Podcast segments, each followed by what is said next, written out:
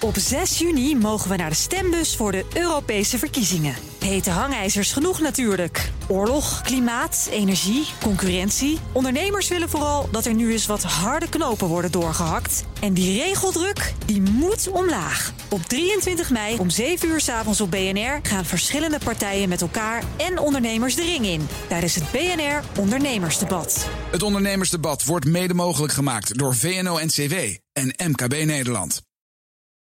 Dit is een podcast van BNR Nieuwsradio.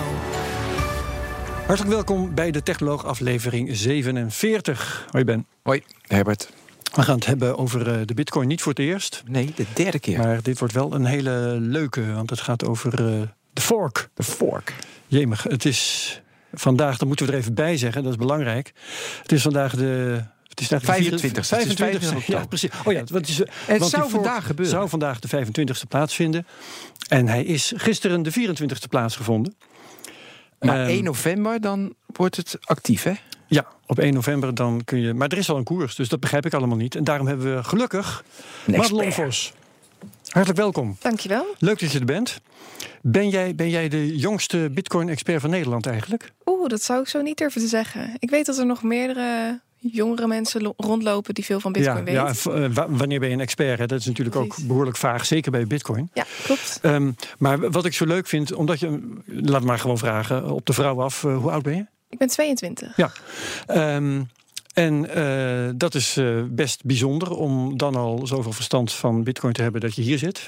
Nou ja, dat moet ik niet zeggen, want ik heb je uitgenodigd. Maar ehm, hoe is jouw geschiedenis met Bitcoin gegaan? Wanneer heb jij voor het eerst Bitcoin leren kennen? Ehm, ik ben een jaar of vijf geleden voor het eerst in aanraking gekomen met Bitcoin. Ehm, ik heb me heel erg verdiept in het monetaire systeem, in de Keynesiaanse zienswijze Oostenrijkse school.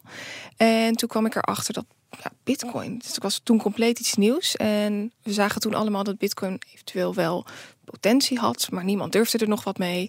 Toen dacht ik, nou weet je, doe eens gek. Misschien is het wel de toekomst, misschien is het wel het nieuwe geld. Ik koop er gewoon een paar. Ja. En eh, nou, op de gok heb ik dat maar gedaan. En eh, nou, het was eigenlijk hartstikke leuk. Ik heb een heleboel meegemaakt, hartstikke veel geleerd. Ik kwam erachter dat er ook grafieken waren. En ik ben die grafieken gaan analyseren. En ik probeerde in te spelen op de koersen.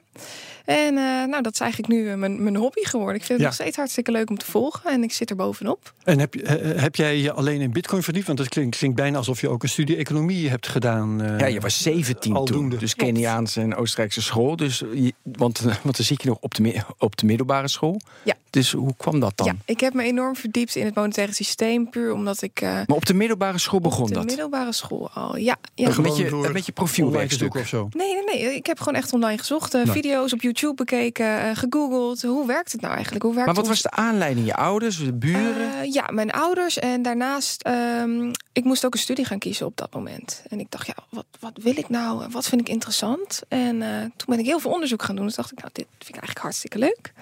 Dus zo kwam ik uiteindelijk met Bitcoin ook, ook in aanraking.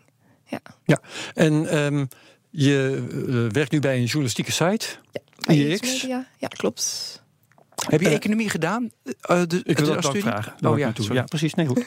Ja, ik, Ik heb geen economie gestudeerd. Daarvoor had ik VWO nodig. En dat had ik helaas niet. Ik heb uiteindelijk Small Business en Retail Management gestudeerd. Je, ben- je bent ook van de school een, een drop-out. Eh, of nee, nee, nee. Ik heb hoe, HAVO gedaan. Ik heb Oké, HAVO ja. HBO. Ja, precies. HAVO en HBO heb ik gedaan. En eh, nou, toen kwam ik uiteindelijk bij IEX terecht. En die boden mij een kans. En toen dacht ik, die eh, Maar ook in dat verdiepen, hè, ben je dan twee uur per dag de afgelopen vijf jaar ermee bezig geweest? Of drie uur als Meer. hobby? Gewoon vijf, zes uur. Ja, misschien nog wel meer. Het, stude Gewoon het studeren. altijd als je wakker was. ja, ja. maar ook de is- technologie erachter. Of Ehm, Ja, de blockchain-technologie is heel erg ingewikkeld. Ehm, dat is iets waar ik wat min, mezelf wat minder in heb gespecialiseerd. Ik kijk voornamelijk naar wat doet eh, de Bitcoin, hoe werkt het precies en ehm, wat, ga- wat zien wij in de, in de markt momenteel. Dus bijvoorbeeld een fork, ehm, dat heeft invloed op de emotie van mensen en hoe gaat de koers daarop bewegen. Dat is iets waar ik heel, eh, heel erg druk mee bezig ben. ja. Ah, dat is grappig, want de, emotie dat is niet eh, iets wat een econoom erbij zou betrekken. Eh, want een fork heeft natuurlijk ook ehm, invloed op de reële waarde, of tenminste ja, eh, de waarde rationeel gezien. Maar jij combineert die dingen. Ja, ook. gedragseconomie, eh, behavioral economics is Ja, ook behavioral iets wat economics, je, ja, Jazeker. wat je onderzoekt. Dan, eh, Ja. ja. Ja, klopt. Ja. Geweldig. Maar Ehm, nog even over. ja. Dan, eh, dus dan heb je vijf, zes, zeven uur. Was het dan meer zeg maar, de theorie erachter of ook echt het speculeren erop? Ja, ook echt het staren naar grafieken. En hoe kan ik ze. Ik heb ze bijna omgedraaid, bij wijze van spreken, om te kijken naar hoe. Hoe, hoe En dan het maak nou je technische analyses, Ja. maak je je bordjes erop om, de, Ehm, eh, om de koers te beïnvloeden. Voornamelijk technische analyse. En eh, ik bekeek het fractaal. Ik heb van allerlei indicatoren gebruikt. Moving average. Ik kan het zo gek niet bedenken. Ik heb alles erop geprobeerd. Om maar in te schatten waar die koers naartoe zou kunnen. En, en was jouw rendement hoeveel beter dan de markt? ja, de markt was zo belachelijk goed. Oei, dat, dat zou ik zo niet durven te zeggen. Nee, maar ik heb Eh, bijna heb ik het idee dat ik gewoon met een beursanalist nu zit. Ja, Maar de, de- wacht eventjes. Ja. ehm, eh, hoe is jouw rendement?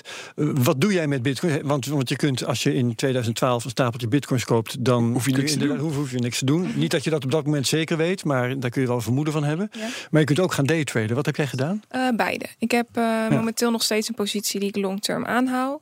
En daarnaast heb ik ook gewoon een positie waar ik mee handel. Ja, Ja, en ook lukt die dat een beetje? positie ook noemen? Dat is ook interessant. Ja, ja, ja. Ja. ja. Dat, dat daytraden, is dat lucratief? Eh, ja zeker. Eh, afgelopen twee jaar is het hartstikke eh, lucratief voor mij geweest. Ik moet wel zeggen dat ik ook de andere kant heb gezien.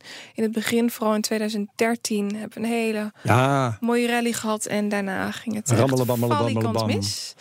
En ja. ja, daar heb ik wel heel veel van geleerd. Laten we het, daar, laten we het daarop houden. zat je toen in de rats? Ik heb hem, heb hem deels uitgezeten. Ik heb ook een paar keer proberen te verkopen, wat- wat niet heel erg slim was. Ehm, ja, en daarna moet je maar wachten. En uiteindelijk heeft die stijging toch weer anderhalf jaar geduurd... voordat we weer op hetzelfde niveau waren als dat we toen eh, Ja. eind 2013 stonden. Dus dat was... eh, Maar je doet Ja. het dus hoeveel procent beter dan de markt? eh, dat zou ik zo niet durven te zeggen, want ik heb beide, beide posities Oh, oké. staan. Dus Loopt door dat- elkaar. ja, precies. Dat loopt Ja. door elkaar. eh. maar uiteindelijk eh, gaat het hartstikke goed. Ja. Ja. Spannend. Yes. Goed. Ehm, even kijken hoor. Wat wil ik nog weten? Oh ja, ehm, want je, eh, middelbare school, HAVO, eh, HBO, Ja. IEX. Yes. Waarom hebben die je een baan aangeboden? Wat wisten zij van jou op dat moment? Eh, op dat moment schreef Had, ik had je toen een blog of zo? Ja, ik schreef columns voor EX Geld. En toen ben ik een paar keer langs geweest op kantoor. Ik woonde toen nog in Groningen. En daarna dacht ik, nou, ik moet toch maar naar Amsterdam, want daar gebeurt het. En eh, nou, toen ben ik een paar keer langs geweest. En toen zeiden ze van, nou, je bent hartstikke enthousiast over bitcoin. Wij kijken er ook al een poosje naar, maar we hebben eigenlijk niemand die er verstand van heeft. Zou je het leuk vinden om daar eh, wat mee te doen? Om daar een platform, eh, platform omheen te bouwen? Nou, dat leek me hartstikke gaaf Ja. deze kans ga ik grijpen. In plaats van dat Zeker. ik alleen maar in mijn, in mijn isolement eh, naar mijn schermen zat te staren, had ik nu ineens collega's om me heen. Dus dat was, eh Ja. was superleuk. Ja. Ja. Maar had je van het rendement dat je maakt, hoef je eigenlijk die baan bij IX niet te hebben. Dat is meer hobby. Ja. Oké. Ik, zie het, eh, ik zie het echt als, als, als leermoment. Een leermoment met mensen, collega's, dat je ook sociaal wordt, dat je niet alleen achter een scherm zit. Ja, ik ben product owner, dus ik zorg ervoor dat alles wat met bitcoin te maken heeft, dat dat, dat allemaal gestroomlijnd eh Ik zou wordt. bijna vragen, wat kost het je om die baan te hebben? Want al die tijd dat jij stukjes zit te schrijven, kun je, vaker. kun je niet Ja. daytraden. Ik hoor het vaker. Nou, gelukkig zijn ze, zijn ze coulant op kantoor. Dus ik mag eh, Oh, tussendoor kan je gewoon. Ja. gelukkig wel. Geweldig. Ja. Oké. Uitgevraagd Ben? Eh, over ja, dit, eh, nou, ik wil over IX wil ik wel iets vertellen, want het is wel aardig. Mijn Ja. buurman kwam langs en eh 135.000 mensen las ik vandaag volgens mij die nu, eh, eh, die nu bit, die in cryptocurrencies doen in Nederland. Ja. En eh, dus ook mijn buurman komt dan langs en eh, hoe die dat moet doen. En ik, weet je, dacht ik ben de hele avond weer met mijn buurman bezig om Ja. uit te leggen hoe je er dat zijn moet mensen die zeggen, als je buurman langskomt, dan moet je er juist uitstappen. Hè? Ja, precies. Ja, Ja. die taxichauffeur, ja. Nou, dus dat had ik ook. Ik, doe, ik leg het jou nog één keer uit. En, En dan wegwezen. Maar het leuke was, dus ik, dacht, ik wil een uur met hem gepraat. He- helemaal geen zin in. Maar een dag later, met, tijdens honden uitlaten, hij was helemaal gelukkig. Want op ix.nl kon hij bitcoins kopen. Dus ik denk, mooi, je hebt me gered, Madelon. Superleuk. Goed, hè? Ja. IEX verkoopt nu ook zelf bitcoins. Ja, we hebben nu Oh, een even platform waar, eh, Ja. waar je ook bitcoins op kan kopen. Ja. Klopt. Ja. En dat is voor heel veel mensen, weet je. Ja, het is vertrouwd, weet je. Ze kennen gemakkelijk. het, gemakkelijk. En Yes. dat, dat zijn de criteria die, waardoor ze dus daarvoor kiezen. Precies. Ja. Dus eh, nou, dat vond ik wel even aardig dat mijn buurman zelfs bij jou komt. ja, superleuk voorbeeld, toch? Ja. Ja. Nou, naar zitten we hier naar aanleiding van, van de fork. Ja. Dus ehm, die eh, was al lang aangekondigd, dus het heeft niemand verrast. Eh, jou niet, ons niet. En eh, de luisteraar die ooit van Bitcoin gehoord heeft, misschien ook wel niet. Ehm, Maar eh, leg, leg maar even uit wat een fork eigenlijk is. Nou, een fork kun je eigenlijk heel erg simpel omschrijven. Ehm, we zouden het voorbeeld kunnen nemen van WhatsApp. Forks die, we, die vinden heel vaak plaats. Dat hebben we vaak niet door, maar het gebeurt wel. En ehm, als we WhatsApp erbij pakken, dan zou je eh, kunnen zeggen dat er ook updates zijn op WhatsApp. Uh, ik kan ervoor kiezen om die update te downloaden. Je kan ervoor kiezen om het niet te doen. Um, stel het is een kleine update, dan zouden we nog steeds met elkaar kunnen praten. Maar op het moment dat er een grote update plaatsvindt, bijvoorbeeld WhatsApp bellen, dan kan dat niet meer. Ik kan niet met jou bellen als jij de update niet gedownload hebt. En dat zou je kunnen zien als een hard fork. Nu is het bij WhatsApp niet zo erg, want daar heb je geen consensus nodig. Maar bij Bitcoin wel. En op het moment dat er geen consensus is, dan vindt er een afsplitsing plaats. Ja, en dan heb je twee verschillende bitcoins. Precies. Ja, ja. en de regel is, of ja, de regel, de, hoe het dan uitpakt, is dat iemand die bitcoins had voor de fork, die, heeft, die zit op beide sporen erna. Twee voor de prijs van één. Ja, yes. twee voor de prijs Uh, van mag ik voor het begin misschien de andere analogie die ik hoorde tijdens het kijken Ja. naar een YouTube-filmpje? Is een snelweg, zei die eh, jongen. Ja. Snelweg, we rijden allemaal, dat is de bitcoin. En dan zeggen een paar mensen, ja, ik wil een afslag. Want ik, ik, wat die snelweg, hm, ik wil een afslag. Ja. En dan gaan een paar mensen nemen een afslag. En dat is dan nu de gold, dat is een hard fork, dat is die afslag. En dan heb je dus beide, heb je dan. Dat vond ik ook wel... Ja, een- daarom is het best een beetje een slecht voorbeeld, als ik het mag zeggen. Want Oh. eh, in dit geval, als je het je voorstelt als, als een snelweg, dan zit je eh, na de fork zit je op beide wegen. Ja, Je auto splitst. Maar, nou, hij zei vooral namelijk, ja precies, dat kan niet. Maar de mensen die, die op die snelweg zitten, die zijn het niet mee eens. Die willen een afslag. Dus er zijn, er zijn een aantal mensen die zijn het niet mee eens met wat er op die snelweg gebeurt. Die nemen een afslag. Zij denken het beter te weten. Zij denken het beter te weten. Ja. Dat vond ik ook wel een redelijke. Oké. Ja. Maar wat, wat nou eh, raar is, is dat het om de haverklap... Het is heel lang niet gebeurd eigenlijk met de bitcoin, hè? Ja. En nu is het in augustus gebeurd. eh nu is het op 24 oktober gebeurd. En dan gebeurt het straks in november weer een keer. Ja. What's going on? Ja, dit is een hartstikke spannende tijd. Ja. Ehm, ik zou zeggen, we, we weten allemaal dat er veel ICO's plaatsvinden de laatste tijd. Dat zijn initial coin offerings. Initial dat coin zijn van die eh, rare munten die eigenlijk aandelen zijn en toch ook weer niet. Precies, ja. Ja. En eh, ik zou zeggen dat de hardforks nu de nieuwe ICO's zijn. Eh, we gaan dit steeds vaker zien. En eh, wie weet hebben we straks wel tien verschillende bitcoins. Maar of dit goed is, dat vraag ik me af. Eh, de Ja. verdeeldheid in de community, die wordt... eh, iedereen wil een andere kant op. Iedereen vindt er wat van. En je hebt nu ook de mogelijkheid om voor wat anders te kiezen. En eh, dat komt bitcoin natuurlijk niet ten goede. Nee. Ehm, de laatste twee forks waren een beetje duidelijk. Dat wil zeggen, er bleef een bitcoin over en een bitcoin huppelepup. Mhm. In augustus was het Bitcoin Cash. Nou ja, die heet dan gewoon anders. En alle winkels die Bitcoin accepteren, bijvoorbeeld, accepteren alleen dat ding dat gewoon Bitcoin is blijven Ja. heten. Dat is nou twee keer achter elkaar gebeurd. Maar ik heb begrepen dat er straks in november een stuk onduidelijker is eh, welke van die twee takken van die fork nou eigenlijk Bitcoin blijft heten. En wie wat Eh, gaat accepteren. Ja, ja, dat is inderdaad zo. Ehm, in de eerste instantie houden eh, de mensen die Bitcoin accepteren, die houden Bitcoin Core aan. Eh, de Bitcoin Core is eh, Bitcoin hoe het, hoe het nu is. Ja, dat, dat is wat, wat ik een gemakshalve Bitcoin noem. Ja, precies. Ja. Bitcoin. Ja. Ehm, en voor de technici onder ons vindt straks de Segwit 2x plaats. En dat is inderdaad een update waarvan we zouden kunnen zeggen: Nou, wat hier gebeurt, dat kan wel eens eh, compleet wat anders zijn dan de afgelopen forks die we gezien hebben. Ja. Ja, en dan moeten we denk ik ook het gaan hebben over waar die forks eigenlijk over gaan. Ja. Of jij wou iets Maar ik wil SEC weer 2x wil ik ook even... Want ik zag zo een tabelletje. Ik wil, wil toch dat je dat even uitlegt. Ja, de Segwit 2X dat gaat in eh, november plaatsvinden, 16 november. Of althans, dat is nu de verwachting. Het kan sneller Ja. gaan wat we nu ook gezien hebben. Waar, En- waar, waar ligt dat? Nou, vertel het anders straks maar. Want ik wil Ja. ook wel weten waarom dat niet gewoon eh, in de agenda staat. Ehm, en deze, deze fork die, die plaats gaat vinden, die eh, wordt vooral ehm, vanuit perspectief gezien dat eh, de transacties sneller moeten. Als we echt kijken naar Bitcoin in zijn kern, dan als wij een transactie doen, dan wordt die geverifieerd. Dat is namelijk noodzakelijk. Ehm, en eh, op het moment dat die transactie geverifieerd is, dan kunnen wij zeggen dat er een legitieme overdracht is van bitcoins. Nu eh, hebben we de laatste tijd heel veel verhalen gehoord over dat die transactieverificatie heel erg lang duurt. En deze mensen die vinden dat zij een oplossing gevonden hebben voor eh, het versnellen van deze verificatieprocedure. Wat ik, ja, misschien wil je dat. Maar ik, het triggert me onwijs erg. Want je zegt, mensen zijn het niet met elkaar eens. Weet je, de, de, de community, de eenheid kunnen we niet vasthouden. Daarom Klopt. die forks. Maar dat vind ik bijna, want je hadden we, hadden het over behavior economics. Het is bijna behavior van mensen. Dus weet je, we zijn het mee eens dat een groep mensen die gaan iets bouwen. En nu hebben we toch weer die centrale macht nodig. Of we hebben toch weer iemand nodig die iets zegt. Want we zijn het niet met elkaar eens. Ja, Bitcoin. En dat is dus gevaarlijk voor de bitcoin. In het hele oorspronkelijke idee. Yes. Ja, en dan? Ja, Bitcoin is ooit bedacht als zijnde een decentrale munt waar niemand invloed op kan uitoefenen. Ja. En nu gaan we toch zien dat bepaalde mensen meningen hebben, waardoor Bitcoin eigenlijk alle kanten op geslingerd wordt. En er ook vertakkingen plaatsvinden. De ene vindt dit, de ander vindt dat. Maar ja, dat is ook de vrijheid van Bitcoin. Ja, maar waardoor ook die community steeds meer wordt verdund. Klopt. En er steeds eh, eh, gaan allemaal takken gaan alle kanten op. En datgene, laten we even aannemen dat er toch altijd iets zal zijn wat we gewoon bitcoin noemen, zonder meer. Dat wordt dan op een bepaalde man- manier steeds kleiner.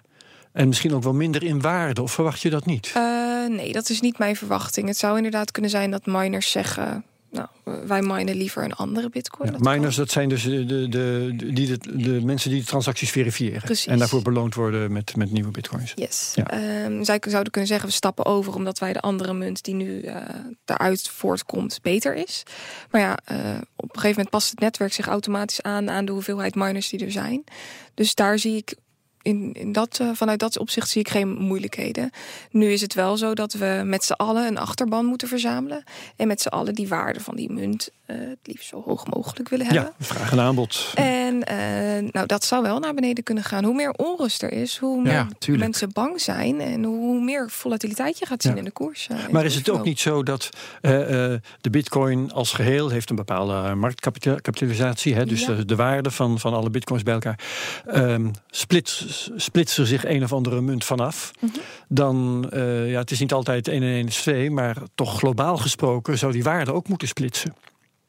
Ja, En dan ehm, blijft er steeds minder waarde over voor die marktkapitalisatie van de bitcoin. Ja, ja, daar heb je gelijk in. Nu is het wel zo dat afgelopen keer... Het, het is wel iets anders dan met aandelen. Als je een stoksplit hebt, dan Ja. is het inderdaad zo... dat die weer op hetzelfde level uitkomt.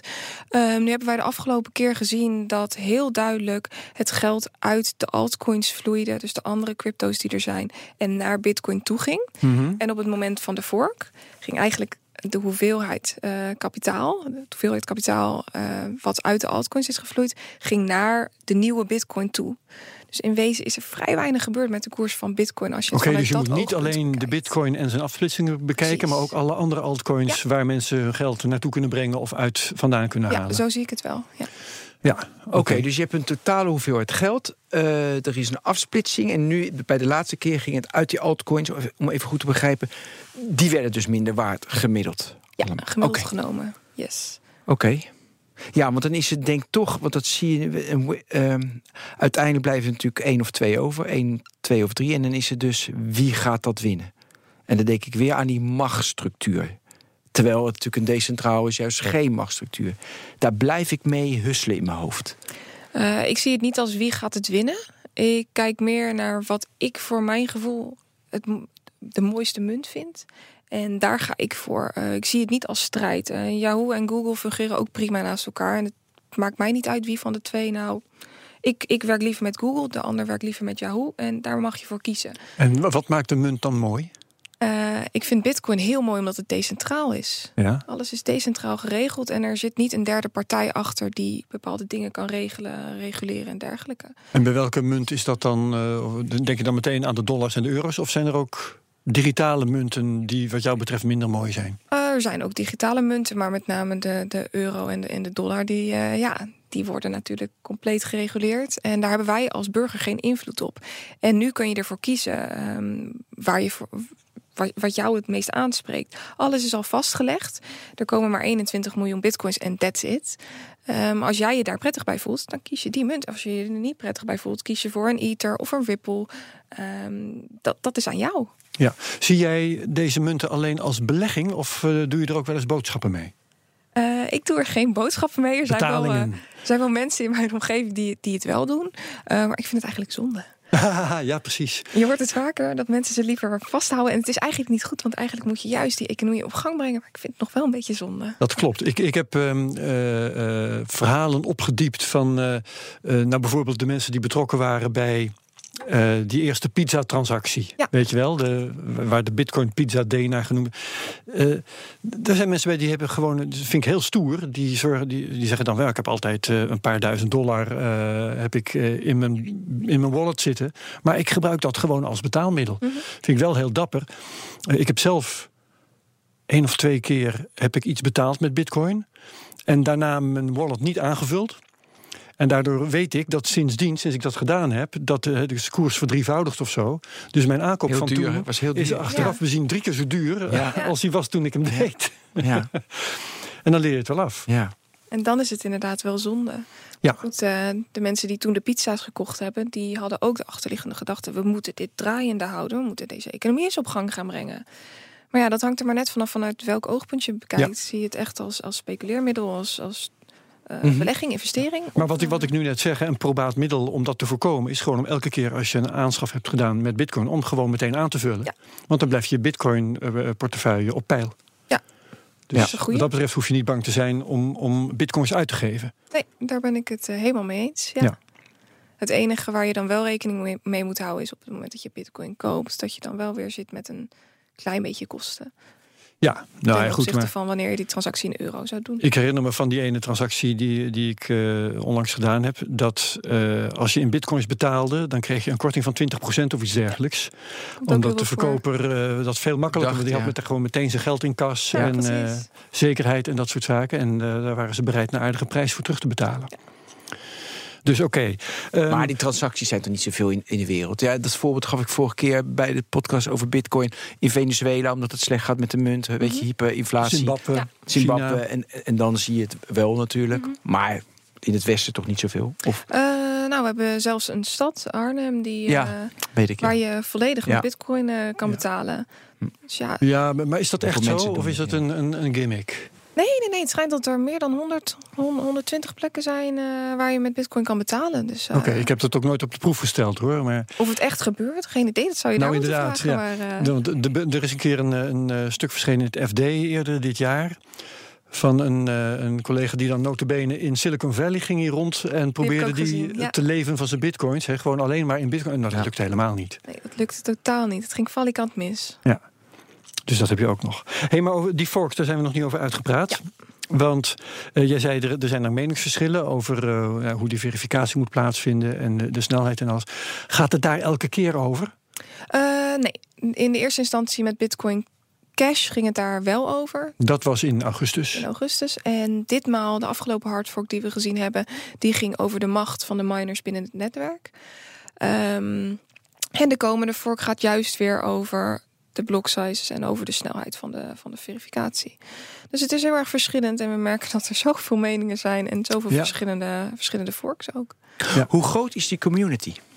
Eh, die community is enorm. Ik Ja, zou is er niet, eh, 100.000 mensen of, of, of eh, 50.000, Ik weet dat 10.000 in die actief zijn? Nederland er 135.000 mensen zijn. Die Ja, maar die werken niet mee aan het, eh, zeg maar aan de bitcoin of er wel of niet een fork. Dus die actief meewerken aan die community of er een fork moet komen of niet. Dat zijn echt de miners die. die Ja, dus hoeveel zijn dat er? Ehm, dat zou ik niet goed kunnen zeggen, omdat het te maken heeft met de hoeveelheid rekenkracht. Het kan best zijn dat er één partij is die loodsen vol met miningssystemen heeft, die daardoor veel meer rekenkracht aan het netwerk kan leveren.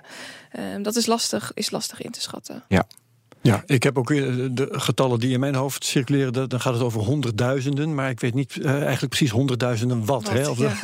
honderdduizenden personen of honderdduizenden bedrijven. Dat, dat zou ik niet eens kunnen zeggen. Nou, en ik zag een staatje van hoeveel er in eh, Japan en Korea in vergelijking, dus gewoon gehandeld wordt in bitcoin, in vergelijking Ja. met Europa, is Europa echt gewoon in euro's heel klein.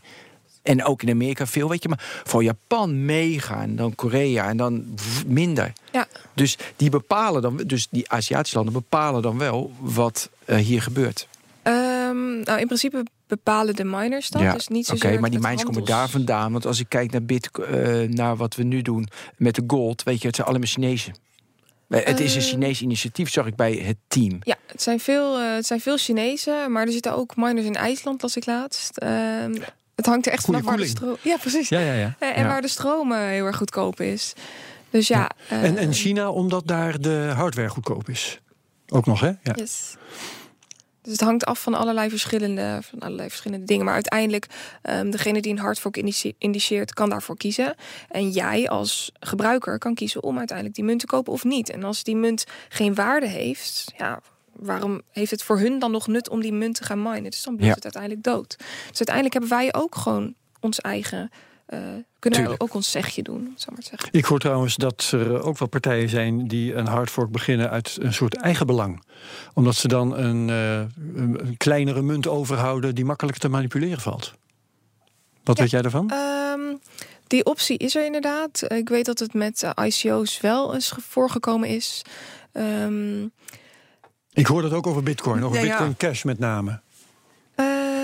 Ik heb dat niet gehoord over Bitcoin Cash. Hm. Nu moet ik zeggen dat ik me wel kan voorstellen dat dat, dat, dat gebeurd is. Heeft ook een raar koersverloop gehad, die Bitcoin Cash. Heel raar. We hebben het begon met, met uh, even hardop denken, begon met 300. Toen was er opeens een piek naar 900 en nu is het weer terug naar 300. Ja, we hebben 1000, 1000 gezien en uh, nu zitten we op 320, uh, laatste koers wat ik gezien heb. Dollar, ja. ja, 320 ja, maar het is precies wat jij zegt, dat een fork nieuwe ICO is. En dat is dus. En dan heb je dat dus. En dan wordt het dus allemaal, ja, dan krijg je allemaal vorkjes, vorkjes, vorkjes. Wildgroei aan, aan vorken kunnen er. Zoals een wildgroei aan ICO's was. En dan kopen mensen het niet. Denken, ja, dat is weer zo'n ICO'tje, dat is niks. En dat krijg je dus ook met die, uh, uh, ja, met die forks. Dat zou eventueel kunnen. Het hangt er maar net vanaf of mensen genoeg vertrouwen hebben in de vork die dan plaatsvindt. Het, het is heel, uh, heel lastig. Ja. En uh, de enige munt waarmee je nog een beetje met goed fatsoen kunt betalen, dat is die bitcoin. Uh, is dat van belang? Of is het eigenlijk helemaal irrelevant? Uh, dat hangt ervan af hoe je naar Bitcoin kijkt. met al die andere munten, die, ja, die zijn alleen maar wat ze zijn. Ja. En uh, ik kan me voorstellen dat uh, mensen uit de traditionele financiële wereld zeggen: dat begrijp ik helemaal niks van, want ja. dat is niks. Um, je kan Bitcoin zien als middel om mee te speculeren. Wat ik dus doe. Je kan Bitcoin zien als betaalmiddel. Ja. Dat heb je aan uh, lijf ondervonden. Ja. En uh, je kunt de onderliggende technologie, de blockchain-technologie, zien als vorm van waarde. Ja, nou ja, die, die geeft geen waarde. En die, die kun je voor van alles en nog wat gebruiken. En die technologie heeft waarde, maar die geeft geen waarde aan de bitcoin als zodanig. Uh, nou, die zou wellicht de, de, koers van Bitcoin iets omhoog kunnen ja, brengen. Op het moment dat er bepaalde toepassingen ja. bij Ethereum. Ja, ja dat kan me voorstellen. Als dat een betere blockchain, een blockchain waar je vertrouwen in hebt en een goede Precies. afslag, dat je denkt van oké. Okay, ja, zo kan ik me ook voorstellen dat mensen bijvoorbeeld Ether kopen, Ethereum, ja. um, om puur omdat het een, een mooi platform-based uh, ja. crypto is. Ja. Dat mensen dat echt mooi vinden en daar de waarde van inzien. Los van of je erop wil speculeren, of je op de koers wil geld wil verdienen, of dat je het ziet als munt om het uit te geven. Want dat, zo zie ik Ether niet, bijvoorbeeld. Ja, ja, ja. nee, oké. dus dan, maar dan is het uh, psychologisch bij wijze van spreken zoals je een aandeel Ajax zou kopen. Omdat je een beweging wilt steunen of mm -hmm. iets dergelijks. Ja. Zoiets. Ja. ja. Oké, dat kan ik me met name bij Ether kan ik me dat inderdaad wel voorstellen. Ja. Uh, bij Ether werkt waarschijnlijk ook wel dat um, uh, wanneer het gaat om smart contracts. Ja. Uh, daar is Ether voor nodig. Dus hoe meer bedrijven daar uh, trek in hebben om op die manier zakelijk bezig te zijn, uh, moet noodzakelijk de waarde van de Ether stijgen, omdat ze, ze dat ding daarvoor nodig hebben. Precies. Om in af ja, te rekenen. het goed uit. Ja. Ja, ja oké. Okay. Um, right. Ik wil over trust wil ik het hebben, heel graag als het mag. Ja. Uh, dus wat is er nodig? Die volatiliteit, weet je wat je zegt, het verplaatsen. Uh, die CEO uh, dus van JP Morgan, ik denk dat hij alleen maar belang heeft om het zeg maar af te maken, dat het casino is enzovoort. Snap ik allemaal. Ja. Maar ik wil wel jouw mening erover weten, over hoe we het, het, het degelijke krijgen. Weet je, nu is het echt belief. Weet je, kom in dat casino komt weer. Hoe we het, het minder volatile kunnen maken. Uh, dat is heel erg lastig. Um, we zien nu de laatste tijd dat ook steeds meer grootbanken hun mening hebben. En dat het heel veel doet met de koers. We hebben min 30% ja. gezien de afgelopen periode. En daarna weer een enorme stijging. Het is heel lastig om de koers nou, recht te krijgen. Maar we zien wel de afgelopen tijd dat we nou, dagelijks 3, 4, 5 procent dat, dat dat redelijk steady is. Uh, nu is het wel zo dat hoe meer kapitaal er naar Bitcoin toe gaat, hoe lastiger het is om die koers met die ene dollar te bewegen. Hoe minder kapitaal er is, hoe makkelijker het is om de koers te bewegen. Dus ik zou zeggen, zoveel mogelijk geld naar de Bitcoin toe, hoe minder volatiel het wordt. Ja, dus hij wordt minder volatiel. Oh, ja, precies, want dan denken ze, de ondergrens wordt dan ook, weet je wel, dan zakt hij nooit meer onder de duizend. Want ja, daar gaat zoveel geld in. Mm -hmm. Dat gebeurt niet meer, want er is te veel belang. Ook dat, ook dat. Ehm, en ook grote banken die nu aan het inkopen zijn. Maar ja, aan de andere kant, stel zo'n grote partij stapt daaruit. Wat doet dat dan met de koers? Ja. Dat zou dan weer een enorme daling met zich mee kunnen Tuurlijk. Maar regulering, ik bedoel, je hebt bijvoorbeeld bedrijven, eh, zeg eh, van die wisselkantoren of exchanges. Ja. Ehm, daar kun je, eh, daar kun je een, een, een wallet hebben. Hè? Dus die beheren dan jouw geld. Heb je in feite heb je daar een, soort bankrekening lopen. Mhm. Terwijl het geen banken zijn officieel. Eh, stel dat je zulke bedrijven ehm, pas hun het werk laat doen wat ze nu doen. Als ze wel degelijk een bankvergunning hebben. Of als ze in ieder geval aan regels voldoen zoals eh, zorgplicht, garanties. enfin, wat banken dus ook hebben. Dat, dat soort regels. Zou dat de bitcoin niet... In de eerste instantie natuurlijk niet, want het leven wordt moeilijker voor die bedrijven en mensen moet, uh, gaan moeilijker eh, kunnen kopen. Maar er zal dan meer vertrouwen ontstaan. Uh, ja, er zou meer vertrouwen ontstaan. Nu weet ik niet of um, de exchanges aanpakken of dat nou hetgeen is wat um, meer vertrouwen met zich meebrengt. Wat, of dat nou goed is. Nou, het zou het risico verminderen in elk geval om Precies. daar bezig te zijn. Maar als jij als gewone burger bitcoins koopt, dan doe je dat normaliter niet bij een uh, handelshuis. Uh, handelshuizen zijn echt voor, voor mensen die op de koers uh, willen speculeren. En als jij als burger bitcoin koopt om het uh, lekker lang vast te houden of om het een keer uit te geven, dan doe je dat niet bij een handelshuis. Dan ga je naar een gerenommeerde partij, betaal je met Ideal. Die bijvoorbeeld in Nederland zijn er genoeg partijen waar je dat kan doen. Dan denk je aan de, de Bitonics en de Bitrush en de BitMyMoney en Ja. de BTC Direct. Ja, en die soort- eh, ja. voldoen aan de regels. Die hebben ook contacten met Brussel en die houden alles nauwlettend in de gaten. Ik zou ook niet aanraden om dat bij een exchange te doen. eh. Wat zijn de regels waar die, eh, die partijen noem ik wisselkantoren? Eh, als je het goed vindt, wat- heb jij daar een naam voor verder? Ja, wisselkantoor. eh, ja, ja. is- oké.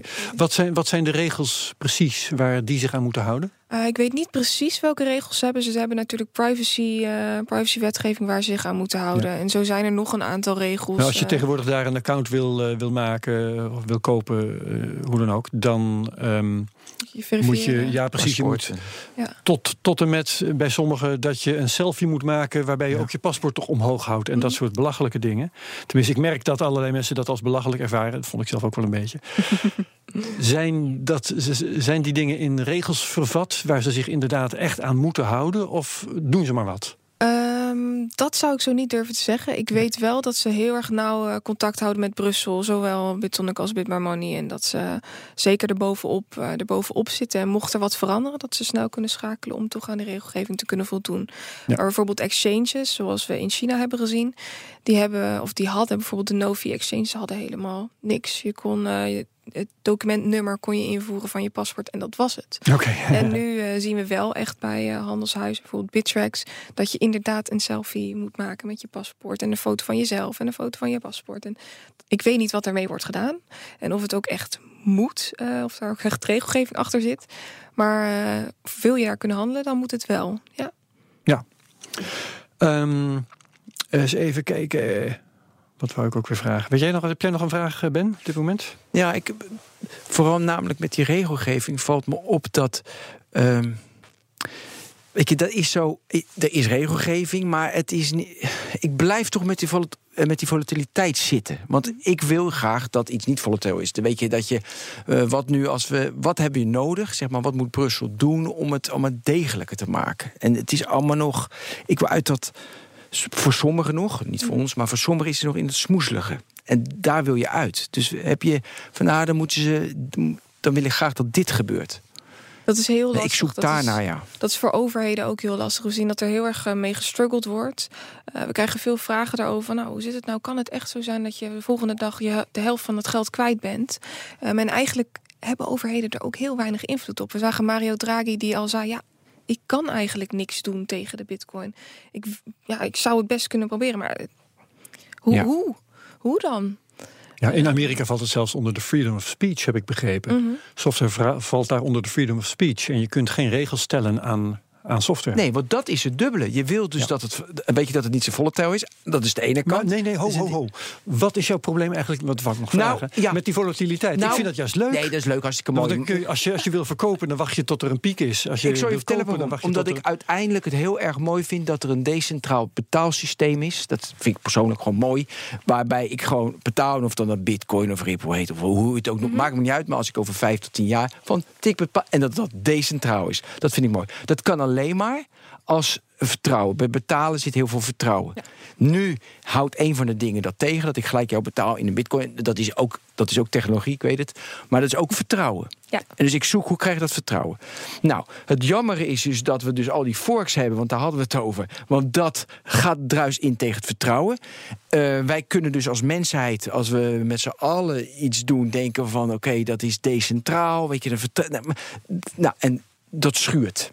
We hebben dus een dilemma. Aan de ene kant moet je het reguleren, want daardoor krijg je vertrouwen, want iemand reguleert het. Nee, de kracht is juist van Bitcoin dat we het niet reguleren, dat het decentraal is. Voel je het dilemma? Dat zijn dus twee, Ja. dat zijn twee uitersten. En ik zoek natuurlijk naar die balans daarin. Ja, ik merk, jou, eh, ik merk jouw dilemma inderdaad. Be- voor een betaalmiddel is het natuurlijk nodig dat je een redelijk stabiele koers hebt. Maar ja, als je het niet ziet, als je Bitcoin niet ziet als betaalmiddel, Als je het er als dan is het juist dat heerlijk dat die is ja. volatiliteit Want dan kan je lekker denk, geld verdienen. Oh, precies. Ja, jij vindt het heerlijk. Ja, dat is top. Eh, terwijl jij denkt, ja, ben, je- maar, ja, maar dan ben je wel de hele dag op je 22 al. Nee, dat is flauw. Nee, maar dan ben je wel met lucht bezig. Weet je, Ja, met je- lucht verplaatsen. Zo, er zijn mensen die, die, die het zo zien. Ja, maar natuurlijk, en Ehm. daarvoor koop jij weer een mooie auto en, eh, en mooie sieraden, dus dat snap ik. Maar weet je, het, ik vind het wel mooi als je. Ik vind dat niet zo fundamenteel dat je met lucht verplaatsen eh, bezig. Want dan krijgen we de bankencrisis in 2008. Weet je wel? Of ben ik nu echt. Ik Ja, ben je het, ik ben aan het niet kijken. helemaal met je eens. Oh jee, nu komt de spanning in de uitzending. En voel je me, Herbert? Nee, ik ben het niet helemaal met je eens. Ik snap wel dat als jij het ziet als betaalmiddel, dat het dan gewoon eh, eh, ja, een redelijk goede prijs moet hebben. Want het kan niet zo zijn dat ineens die aardappels zo Ja. in prijs verschieten. Dat, eh, Nee, maar, maar zo werkt het toch niet in de praktijk. Nu in elk geval eh, is die volatiliteit ook geen probleem. Ook niet als betaal voor de bitcoin als betaalmiddel. Want op het moment dat je iets met bitcoins betaalt, wordt gewoon de, de koers van het moment wordt daarin meegenomen. En dan betaal je gewoon eh, volgens de koers van het moment, eh, uitgaande van de euro- of dollarprijs, betaal je een bepaalde hoeveelheid bitcoins. En wat de koers van de bitcoin is, maakt verder helemaal niet uit op dat ogenblik. eh, op dat moment niet. Maar als je dan daarna twee maanden terugkijkt en ziet dat de koers ineens 100% gestegen Ja, maar dan is. moet je de methode Blankenstein volgen en meteen je wallet aanvullen. Gelijk, dat is helemaal geen probleem. Ja, Ja, maar goed, voor, dat, voor die twee uitersten die ik vertelde, weet je, decentraal en aan de ene kant reguleren om die balans te krijgen. Ik denk dat met regulering dat het alsnog niet mogelijk is om Nee, daar echt balans in te krijgen. En eh, het vertrouwen is echt onwijs belangrijk. En dat überhaupt mensen vertrouwen hebben in een munt die decentraal is, die compleet op basis van algoritmes werkt. eh, Ja. Dat is al heel erg bijzonder. Is, is een bron van die volatiliteit niet ook dat nog zo relatief weinig mensen er gebruik van maken? Dat als de markt groter zou zijn voor de bitcoin, dat er ook een bepaalde logheid ontstaat en dat die percentages, die uitschieters minder worden? Eh, ja, dat is zeker zo. 100 miljard is natuurlijk niet zomaar iets. Eh, nee, maar Maar de, de omzetten zijn, eh, zijn weer veel minder natuurlijk. Ja, naar per dag. verhouding is het, is het inderdaad weinig. Ehm, het, is, het is wel een lastig inderdaad. Eh, je, hebt, je, hebt, je hebt een goed punt. Ehm, ik zou het zelf wel zien dat op het moment dat er meer kapitaal naartoe stroomt, dat automatisch het lastiger wordt om die koers te Ja, dat breken. zei je net, ja. ja, ja. Ehm, Om- ja, dat, dat, zou inderdaad, eh, dat zou inderdaad een goede zijn. Om Ja. de koers minder En als er veel omzet zijn. is eh, door transacties, hè, stel dat het bitcoin meer gebruikt zou worden als betaalmiddel, zou denk ik ook de volatiliteit verminderen. Ja, de omloopsnelheid krijg je dan eh, Ja. aan- aan het lopen. Ehm, en daarnaast is het wel zo dat, heel veel, dat er heel veel gehandeld wordt op bitcoin. Ehm, we zien dat een heleboel mensen gewoon bitcoins kopen, het aanhouden en verder er niks mee doen. Maar bij de handelshuizen is een heel hoog volume. ehm, Ja. En dat speelt een hele grote rol. Dus op het moment dat er een bepaalde supportlijn, als we kijken naar de grafiek, als een bepaalde support of weerstandslijn wordt doorbroken, zien we gelijk dat de koers of heel Ja. erg omhoog gaat of heel erg naar beneden op een bepaald vlak. En eh, er zijn heel veel bots die daar optreden. Dus op bepaalde patronen zijn bots en die gaan Ja, die gelijk- zitten gewoon botje. Ja, dus ik en jongens maken botjes en die. Zitten Ja, gewoon ja, ja, in koers. Ehm, even, wil je mij het belang van het handelen? Wil je me dat uit, behalve dat je persoonlijk geld kan verdienen, maar eh, zeg maar op macro-economisch eh, eh, ja, gebied het belang van het handelen. En we moeten natuurlijk wel een soort van omloop creëren, ehm, los van of je betalingen doet of niet. Ehm, ik zie het handelen ook als manier om het volume, het handelsvolume op te brengen. En hoe meer je handelt, hoe meer volume er is. Dat zie ik wel als iets positiefs, want als er veel volume is, het volume moet de trend bevestigen. Als er veel volume is, dan eh, zou automatisch onze grafiek ook verder omhoog moeten gaan. Wat ons weer ten goede komt als we het koersverloop. eh, Ja, en dus dan heb je persoonlijk heb je geïnvesteerd, je koersverloop gaat omhoog, dan heb je meer geld. Fijn, en dat stop je weer in de economie uiteindelijk. Oké, dus dat is het belang. Ja, ja, uiteindelijk creëren we samen die economie. En hoe hoger eh, handelsvolume we hebben, hoe, hoe Ja. meer we uiteindelijk aan waarde toebrengen aan, aan die munt. Ja, Ja. In, in, in die zin is trouwens ook daytraden is, eh, een manier om de pieken te scheren. Hè? Eh, Als, hoe meer daytraders er bezig zijn, hoe minder die koers op en neer gaan vliegen. Ook, ja.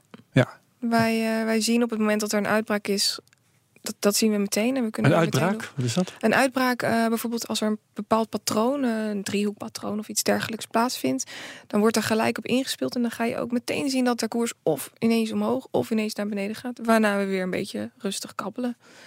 Dus, eh, Ja. dat, dat zien we wel, wel duidelijk, ja. En jij, eh, jij zei net nog ehm, over, de, over de hardfork, hoe het kan dat dat eerder plaatsgevonden Ja, heeft. precies. Ik Dat denk dat dat nog wel Ja, een goede is om even op in te haken. ja want, graag. Daar kreeg ik een heleboel vragen over. Het zou de 25e plaatsvinden. Waarom nu al? Net of er een bankdirecteur een beslissing heeft genomen hè, om Ja. de markt voor te zijn of zo. ineens, eh, ineens En dat kan er net niet. Nee, ehm, ik heb even kort onderzoek naar gedaan. En nu blijkt het, nor- normaliter is het zo dat de blokken die door de miners gemined worden, dat die iedere 10 minuten worden gemined. En nu afgelopen keer was het zo dat we zagen dat de blokken om de drie minuten gemined werden. Wat betekent dat er het blok veel eerder vrij zou komen. Het, ehm, de hardfork was geïnitieerd op een bepaald blok. En Dat leggen, dat leggen ze blok- vast. Bij bloknummer zoveel gaan we forken. ja, dat was, eh, nou, ik weet zo niet meer uit mijn hoofd precies welk blok het was, maar 400.000 nog wat. En eh, op dat blok zou er geforkt worden en nu kwam dat blok ineens veel eerder. En wat is dan de oorzaak dat die blokken opeens zoveel sneller eh, ontstaan? Nou, normaliter is het zo dat die wel iedere 10 minuten plaatsvindt. En Ja. dit kan te maken hebben met de hash rate en aanpassing. Dat is, is, heel, is heel lastig om dat, om dat normale termen uit te heeft niet te maken met, met vraag en aanbod. Nee, of, nee, nee, dat, heeft er niks, dat heeft er niks mee van doen. Dat Nee. is puur echt technisch in het netwerk, eh, waardoor, waardoor het eerder gemined Ja, maar dan moet je wel iets doen. Dan moet je het algoritme aanpassen of eh, snellere computers Normaal gaat even het automatisch. tijdelijk. eh, ja. Als er meer miners zijn of als er meer verschoven wordt, dan. eh, Het was bij blok 491.407. Ja, ik ben gek op getallen. Dus eh, dat getal dacht ik, noem ik even. ja, even je toch tussen... Madelon nog iets kunnen uitleggen? Ja, mooi. Super. Eh, ja, dat is wel heerlijk. Even wat, even gewoon tussendoor, even één seconde. Eh, mensen vragen het mij van, wat staat de bitcoin over vijf jaar? Wat is jouw getal? Oeh, dat vind ik een hele. Ja, dat weet ik, maar dat is even tussendoor leuk. Dat Mag ik tussendoor? een, Dan heb, ik, heb ja. jij even eh, eh, bedenktijd. Hoeveel wie tegenwoordig in de eh, Bitcoin-wereld is gestapt is John McAfee. Ja. De man die ooit de antivirussoftware heeft uitgevonden. Die man is zo gek als een deur, heb ik me laten vertellen. Ja. Door iemand die dat Ja. kan weten. Hij heeft in Belize gezeten om van zijn Oh. geld te genieten. Heeft zijn geld verspeeld, is weer in de zaken gegaan. En eh, zit nu met een bedrijf Bitcoins te minen. Die heeft gezegd in eh 2020 dan is de Bitcoin een half miljoen. En als het niet zo is, dan eet ik mijn eigen lul op op de televisie. Jongen, Zo. jongen. Ja, die gast is inderdaad excentriek. In een Ja. podcast mag je dat zeggen. Bijzonder. Ja, dat mag je in de podcast zeggen. Ja? Eh, nee, ik vind het een hele lastig verhaal. om daar een inschatting over te maken. Ik eh, bekijk de grafiek dagelijks. En ik heb, even kijken, vorig jaar wel nog een inschatting gemaakt. En ik zat er, nou, ik zat redelijk in de buurt, maar niet heel dichtbij. We zijn veel hoger gestegen. Ja. Dus als we nu kijken naar wat voor media-aandacht en wat voor commotie er allemaal is om Bitcoin, nou, ehm, er staat nog zoveel geld aan de zijlijn te wachten. Dus ik denk dat Bitcoin heel veel potentie heeft, maar ik moet een beetje voorzichtig zijn met, met dit zeggen. Ehm, het kan zo zijn dat we straks nog een daling gaan zien van 50, misschien wel 60 of 70 procent. Om En je daarna moet ook voor voorzichtig zijn, omdat anders mensen gaan zeggen: die Madelon zit er eigen bitcoins omhoog te lullen. Ja, daarom. kan Ja. ook nog dat iedereen Ja. straks bitcoins gaan kopen. nee, maar eh, nee, het kan zijn dat we straks nog een heel mooi koopmoment krijgen. Zo, zo zie ik het dan maar. En eh, ik zie wel heel veel potentie in bitcoin. Heel Ja. veel potentie, Ja. ja. En vind jij dat al dat eh, gedoe met die forks, dat dat een gevaar is? Dat dat afdoet aan de, de kansen van bitcoin? Ja, ik zie dat wel als, als negatief punt. De community gaat steeds verder uit elkaar. En de een vindt dit, de ander vindt dat. En eh, ja, het, het decentrale was juist zo mooi. En hou het lekker zoals het is. Dat zou ik, uh, zou ik zeggen. Maar het was toch ook niet mogelijk? Er moesten toch ook uh, forks komen? Uh, ja, dat is een klein beetje propaganda geweest. Ah, ik lees propaganda, heerlijk. ja, ze waren heel erg druk bezig met ehm, de, de block sizes, zoals ze dat noemen, waarin transacties worden verwerkt en dus ook geverifieerd. Nu wilden ze de block sizes groter hebben. Um, daar is heel veel gedoe over geweest. En, om, om snellere transacties te kunnen krijgen. Om sneller die transacties te kunnen verifiëren. En de een zegt, hou het zoals het is. Nakamoto heeft het zo bedacht. Waarom zouden we die transacties sneller willen? Um, nu is het zo dat um, als jij bijvoorbeeld bij de Albert Heijn een betaling zou willen doen in bitcoin. En de Albert Heijn accepteert alvast een ongeverifieerde betaling. En jij bent niet van goede willen en jij spendeert die bitcoins tegelijkertijd twee keer, één keer naar de Albert Heijn en één keer naar je eigen rekening. Dan kan het best zijn dat de Albert Heijn zijn geld niet krijgt. En dat is in als je bitcoin als betaalmiddel ziet, is dat een hele lastige. En daar zijn nog steeds discussies over. Nu is er een beetje propaganda geweest over dat het hele lange tijd duurde om de bitcoin te verifiëren, de, transactie te verifiëren. Maar um, zo erg is het nou ook weer niet. Ja, kun je het scenario dat je zegt, ik zie dat als een, ja, als een potentieel gevaar. Weet je, kun je dat scenario doortrekken? Wat gebeurt er dan?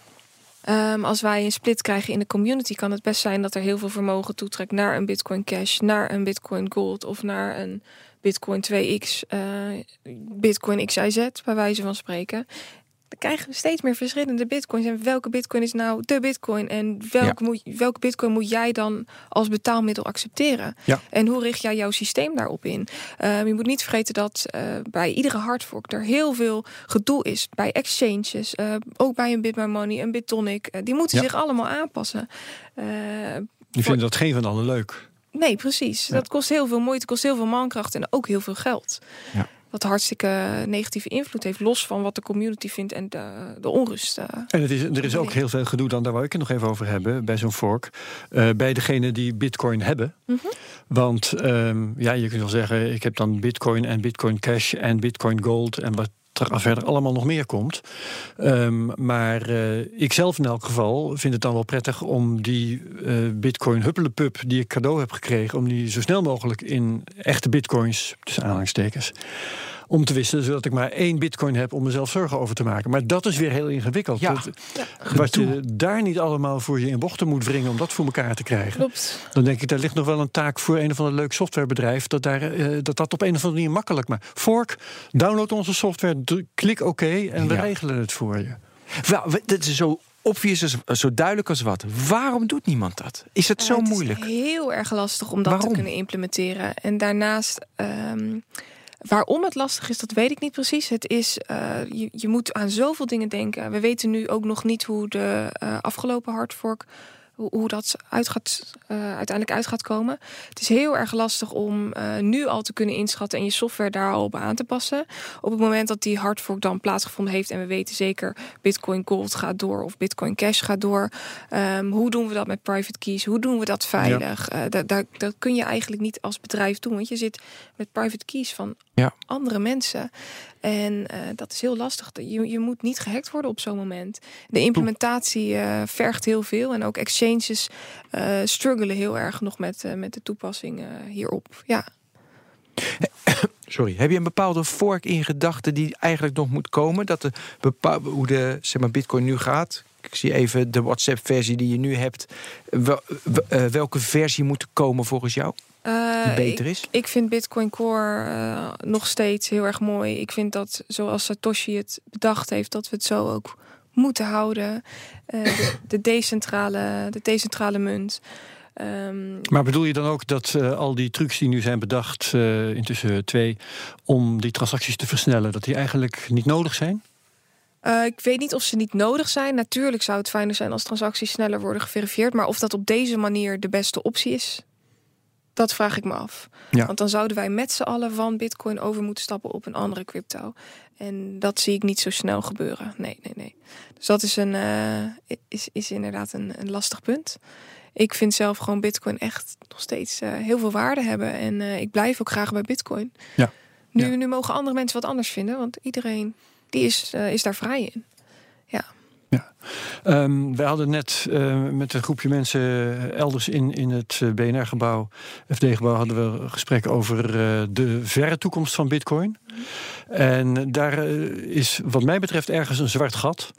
Want die miners worden op dit moment beloond, beloond in bitcoins. eh, hè, als ze zo'n zo'n blok hebben gevonden. En eh, nou, op een of andere manier krijgen ze dan eh, eh, hun bitcoin beloning.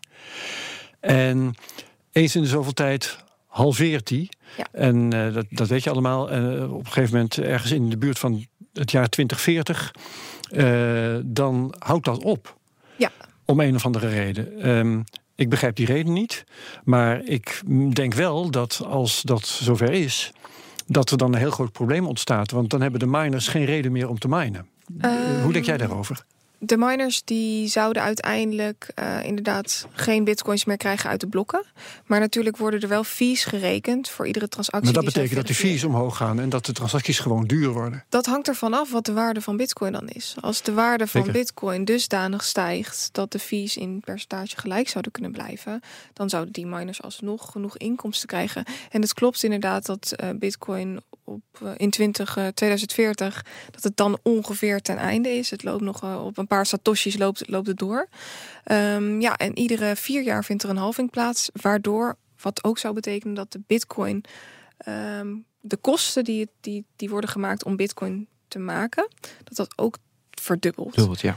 Dus waar bijvoorbeeld nu de bitcoin ongeveer Ja. 1000 Mhm. dollar kost, zou dan de bitcoin ongeveer 2000 dollar moeten kosten. Wil, wil je als miner rendabel kunnen zijn. Dus eh, ja, ik, het vind is- het een, ik vind het een lastige discussie. Want dat is ook een discussie waar, waar veel over gepraat wordt. Ehm, nu ben ik zelf geen miner, dus ik weet niet wat voor kosten daarbij gepaard zijn en of zij kunnen rondkomen van de fees. Ehm, dus dat, daar zou ik me dan verder even in moeten verdiepen. Ja, maar je, wat je, dat is eigenlijk mijn punt. Eh, wiskundig gesproken zou je denk ik eh, de software zo kunnen veranderen dat die halveringen eh, op een andere manier optreden, waardoor je oneindig kunt doorgaan met halveren. En dan heb je natuurlijk ook nodig dat, dat die waarde van de bitcoin stijgt. Eh, want anders Alsnog. dan is half zoveel bitcoins is niet meer dezelfde beloning. Ja. Dus dat snap ik allemaal wel. Maar dan heb je in elk geval nog die bron van bitcoins die je steeds langzamer, maar toch nog steeds tot je beschikking hebt. Ja, dan krijgen we dus weer te maken met een vork. Eh, dan moet er Oh weer een afsplitsing Ja. plaatsvinden op zo'n moment. Iedereen gelooft hierin, Herbert. Ik zou, ik zou, ik zou hem, voor, ik zou hem gaan maken met een paar mensen. Ja, oké, goed. Ehm, ik eh, weet niet, ik doe andere dingen voor de kost. Ja. Nee, maar het is wel een interessante gedachte. Want Ja. eh, als je dit vertelt, heb ik gelijk van... joh, we stoppen met minen inderdaad. We zoeken het dan in transactiefees, klaar. Maar nu, je brengt me op een idee. Je kan dat ook eeuwig door. Dat je wel met het minen... Ja, dan heb je een vork. Maar ja, de deflatoren munt was juist hetgeen waarvan Satoshi zei... Dit, dit is wat we moeten hebben in plaats van een Jazeker. inflatoren munt. En als wij allemaal weten dat het ophoudt... dan zal uiteindelijk die waarde toenemen. Dus dan krijg je wel weer een beetje Ja, maar op, gesteggel om... op dit moment gaat het nog steeds door met die bitcoin-beloning. En we hebben een deflatorenmunt. Hè? Dus eh, als het op dezelfde voet doorgaat als nu, dan, eh, dan kan het een deflatorenmunt blijven, Mhm. is mijn punt. Ja, ik zie er wel wat in. Je zou hem Goed, kunnen nou. leggen. Geregeld. Ehm, eh, is- die, die forks, eh, is daarvan een handig bijeffect dat, eh, dat de andersdenkenden eh, op een zijspoor worden gezet, bijna letterlijk. En de, de, eh, de mensen die eh, op het spoor van de Bitcoin Core, zoals jij dat noemt, de, de echte Bitcoin, dat die eh, steeds eh, zuiverder worden in de leer? Kun je dat zo zeggen? Ehm, daar ben ik het niet helemaal mee eens. Je zou wel kunnen zeggen dat de andersdenkenden... dat die door, een, door de initiatie van een hard fork... uiteindelijk eh, op een zijspoor worden gezet. Maar aan de andere kant, als jij genoeg, eh, van de, genoeg, een groot genoeg deel van de community met je meekrijgt... dan wordt dat zijspoor niet een zijspoor, maar dat wordt dan uiteindelijk het hoofdspoor. Ja, kan ook nog. Ehm, Als, ja, als iedereen meegaat, ja. als iedereen meegaat Ja. wel. Dus als jouw initiatief dusdanig goed is, dan krijg je de rest van de community wel met je mee. Maar tot nu toe is dat nog niet Mhm. gebeurd. En ehm andersdenkenden, ik weet niet of eh, dat de juiste bewoording is voor eh, de mensen die een hardfork initiëren. Want het kan gewoon één bedrijf zijn die zegt, nou, eh, Of we doen er twee of drie. Nee, je, ze kunnen twee of drie hard forks Ja. ze initiëren. Want het is de nieuwe Precies. ICO, zoals je vertelde. Ja, het zou best kunnen zijn dat er één bedrijf achter zit die op een makkelijke manier eh, gebruik wil maken van de naam Bitcoin. Ja. En dit ziet als mooi marketingmiddel. Dat is link hoor. Ehm, nu weet ik dat met Bitcoin Gold dat ze in de eerste instantie zelf een ICO wilden starten. En dat ze uiteindelijk gekozen hebben om de hardfork, uh, om, om de fork te gebruiken om hun uh, coin te indiceren. Ja. Dus daar kun je wel vraagtekens bij zetten. Uh, Ja. Of dat echt andersdenkenden geweest zijn. Of dat ze dit puur voor hun eigen Ja, belang Dat, dat, ja, precies. En ehm, eh, om daar even hardop over na te denken. eh, die eh, ICO's, daar was bezwaar tegen. Hè? De, in Amerika hebben ze daar bezwaar tegen. Hebben ze China? ma- maatregelen China ook, ja. aangekondigd. In China hebben ze maatregelen aangekondigd. Korea ook. Ja, inderdaad. En, ehm, maar een hard fork, als ik er iets van begrijp... maar dan moet jij maar even zeggen of dat op. Uh, voor mij kun je daar helemaal niks tegen doen. Dat is een hele lastig om daar wat tegen te doen. Die zouden we in principe niet, niet zomaar kunnen verbieden. Nee. Dan, eh, kijk, ICO's kan heel makkelijk, want daar zit een bedrijf achter, daar zit weinig vermogen, weinig kapitaal in. Eh, in principe, eh, relatief gezien ten opzichte van Bitcoin. Maar een hardfork, dat zou je niet zomaar Mhm. kunnen, kunnen reguleren en zeggen: Nou, eh, jongens, hardfork, dat, eh, dat stoppen we. Nee, dat, dat is een lastige. Ja. Ja. dus een reden te meer om te verwachten dat dat nog wel even doorgaat. Ik verwacht dat we Ja. in de komende vijf jaar enorm veel hardforks gaan Ja. zien. Link, vind ik. ja. Eh, ik Ja. heb een vraag. Die, jij, jij triggerde met, eh, dus met 2040 over technologie. Even, eh, even jouw WhatsApp-voorbeeld. Kijk, op een gegeven moment gooi je natuurlijk na drie, vier jaar code WhatsApp. Flik je al die code weg, dat is allemaal oud. En je bouwt hem opnieuw op. Weet je, opnieuw modulair, dat je denkt van dit is goed. Hoe zit dat dan met de Bitcoin? Want je kan toch niet 20, 30 jaar, ik weet die technologie niet... kan je toch niet doorbouwen op een Bitcoin? Ik neem een afslag. Dat is toch allemaal oude troep op een gegeven moment? Ik- Legacy. Ja, dat is een mooie opmerking die je maakt. Ik heb eh, het gevoel dat Satoshi dit al heel erg lang eh, in zijn, eh, in zijn eh, hoe noem je het? Al In zijn klaar had whitepaper? liggen. Precies, al klaar had liggen. Ehm, en toen de whitepaper verscheen, dat was in 2008. Dat was het beste moment om dit uit te brengen. De Ja, economie crisis, zat, crisis, eh, ja. precies enorm in Ja. de slop. En eh, ik heb het idee dat hij al heel lang het plan had klaar liggen. En dat hij dacht, ik wacht tot het moment dat we dit kunnen gaan introduceren. En inmiddels zijn we acht, negen jaar bijna verder. Ja, En we zijn er nog steeds en iedereen is er enthousiast over. En dit kan zo nog wel een jaar of tien doorgaan. Eh, Kijk naar het internet. In eh, 1993 snapte niemand er een snars van. En we gebruiken nu allemaal Ja. internet. Iedereen die nu geboren wordt, die zal niet eens anders weten Ja, dan klopt. dat we van het internet leven. Bij dus je moet het zeg maar technisch anders zien als een laag waar we het vorige keer een keer over eh, weet je, hebben gehad. Maar anderen hebben altijd meer over blockchain. Mhm. Maar weet je, je hebt de internetlaag en de Blockchain laag komt er als laag eroverheen. Ja. Dus je moet het meer zo in technologie zien dan. Want ik zag, zag het veel meer als software development. Weet je. Maar het is meer als een, als een internetlaag. Hoe dat Ja. technisch precies Ja, zit. het, dat het nieuwe internet. ja. vind ik toch wel lastig nu even om te zien hoe dat. Ja, ze zeggen dat blockchain inderdaad een laag op het internet is. Nu eh, is Bitcoin hetgeen dat de blockchain mogelijk maakt. Of althans de Ja, Bitcoin-blockchain mogelijk maakt.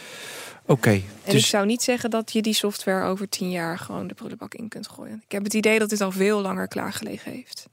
Is wel knap van hem, hè? Ja, Is. Ongelooflijk. Daarom wil ik vragen: eh, heb jij gedachten over eh, wie Satoshi, Satoshi Nakamoto is of was? Ik denk dat er een eh, partij van meerdere mensen achter gezeten heeft. Ja. Dus dat het niet één persoon was. Want als je dit in je eentje bedacht hebt, dan Ja. ben je met toch een genie. Ik denk dat er meerdere Dat mensen is achter griezelig, hè? Wat, wat eh, allemaal blijkbaar niet voorzien is. Ja. Bij het bedenken van Bitcoin. Ja, Die waardestijging en de hele mikmak. Ja, het is. eh, ik denk dat het ook maar beter is dat we niet weten wie het is of wie het zijn. Dat ze mooi anoniem blijven. Nu heb ik een, eh, een hele mooie documentaire Ja, op gezien. Netflix, van hè? Ik ook. Oh. Oh. eh, nee, tegenlicht was dat. Oh. Op Netflix staat er nu ook Banking on Bitcoin. Ja. En op tegenlicht stond ook een hele mooie documentaire. Dat is in 2013 of Heb ik gezien, 2015 is, die, is die opgenomen. De Bitcoin, e- het Bitcoin-evangelie heet die. En daar gaan ze helemaal terug naar het begin. Daar wordt gekeken naar eh, de, echte, de mensen die als eerste, een van de eerste Ja. transacties deden. En eh, dat is een hele mooie om, om die te bekijken. En dan zul je ook zien dat zij ook aangeeft van nou, dit kan nooit één persoon gedaan hebben. Dat, dat kan niet. Dat is vrijwel onmogelijk. Dat is een hele mooie om die, eh, om die eens, eens te bekijken. Dat zou ik echt als tip mee willen Ja. geven. En wat denk jij? eh, Satoshi, wie of wat ook is geweest, eh, heeft eigenhandig ongeveer een miljoen bitcoins gemined. Ja. Die zijn, eh, die zijn niet spoorloos, maar die ze hebben eh, nooit meer bewogen. Klopt. Eh, hebben ze de private keys weggegooid of hebben ze die nog ter beschikking? Ik heb geen idee. Nee, ik zou het echt heel graag willen weten. Ehm, hij heeft inderdaad 1 miljoen bitcoins, of zij hebben 1 miljoen bitcoins uitstaan. Nu zijn er een heleboel mensen die aangeven van nou, uh, dat 5 is toch miljard dollar nu, hè? Ja. dat is toch helemaal niet eerlijk. Dat zeggen een heleboel mensen. Terwijl ik zou zeggen, als er zo'n geniaal brein is Nee, die dit voor ons kan Dan bedenken, is 5 miljard nog niks. geef hem die 1 miljoen en laat hem lekker doen wat hij wat hij ermee wil Maar, doen. Maar ja. het, is, het, is, het heeft nog nooit bewogen. Dus op het moment dat het beweegt, dan gaan alle. Het mooi als ze daar een ander regels. fonds van zouden maken voor eh, uitbannen van de honger in de wereld of zo. Nou, bijvoorbeeld. Ja, Mooi initiatief. Ja, ja. Maar goed, en nog, nog één ding over forks. Want ehm, eh, in het inlezen en zo kwam ik nog... eh, want we hebben het over alle Bitcoin Cash, Bitcoin Gold... en er komt nog veel meer. Ehm, maar eh, ik kwam ook op een gegeven moment... was een stuk van jou trouwens, eh, Bitcoin Dark tegen. En daar had ik nog nooit van gehoord. En er is ook geen Wikipedia-lemma voor, bijvoorbeeld. Ehm, wat, wat is dat precies? Ja, als we kijken naar de top 100 cryptocurrencies, dan zijn er nu drie crypto's die we tegenkomen. Dat is eh, die de naam Bitcoin dragen. Dat is Bitcoin, Bitcoin Cash en Bitcoin Dark. Om verwarring te voorkomen is het wel goed om even uit te leggen dat Bitcoin Dark geen hardfork is geweest. Die is dus Oh. niet afgesplitst. Ah. Maar we noemen hem wel Bitcoin. En Bitcoin Dark lijkt heel erg op de gewone Bitcoin, maar is dark, om het zo maar te zeggen. De blockchain is afgeschermd, dus je kan niet zien wat voor transacties daarmee worden gedaan. Bitcoin Dark is dus Hmm. niet ontstaan uit een hardfork, maar is wel, eh, het draagt wel de naam Bitcoin en daardoor zou er wel verwarring kunnen ontstaan. Ja, ja, ja, ja, en is dus meer familie van de Litecoin. eh, dus, uit dezelfde stal als de Bitcoin, zou ik maar zeggen. Maar Precies. met bepaalde technische, Ja. echt essentiële technische andere. En ook een andere afstamming. Dus die namen zijn wel eh, dus, dus die namen zijn niet beschermd. Nee, klopt. In principe zou jij eh, de naam Bitcoin kunnen gebruiken. Bitcoin Ben. Bitcoin ben. Bencoin. Ja, Ja, dat is natuurlijk makkelijk, Bencoin. Maar Bitcoin, ik dacht, die is op een gegeven moment wel beschermd. Oké, ja. Nee, dat is bijzonder inderdaad. Ja, dat is best eh, wel ja, apart. Ja, ja, ja. Nou, laten we geen Ja, luisteraars ook op ideeën brengen marketing. nu. Nee, moet ook niet doen. We zijn door de tijd heen. Ja, Ben. Heb mooi. jij nog wat? Nee, onwijs bedankt. Echt leuk. jullie bedankt. Gaaf. Dankjewel, Madelon Vos. Ja. Dankjewel, Ben. Dankjewel, Herbert. Dit was De Technoloog. Tot volgende week.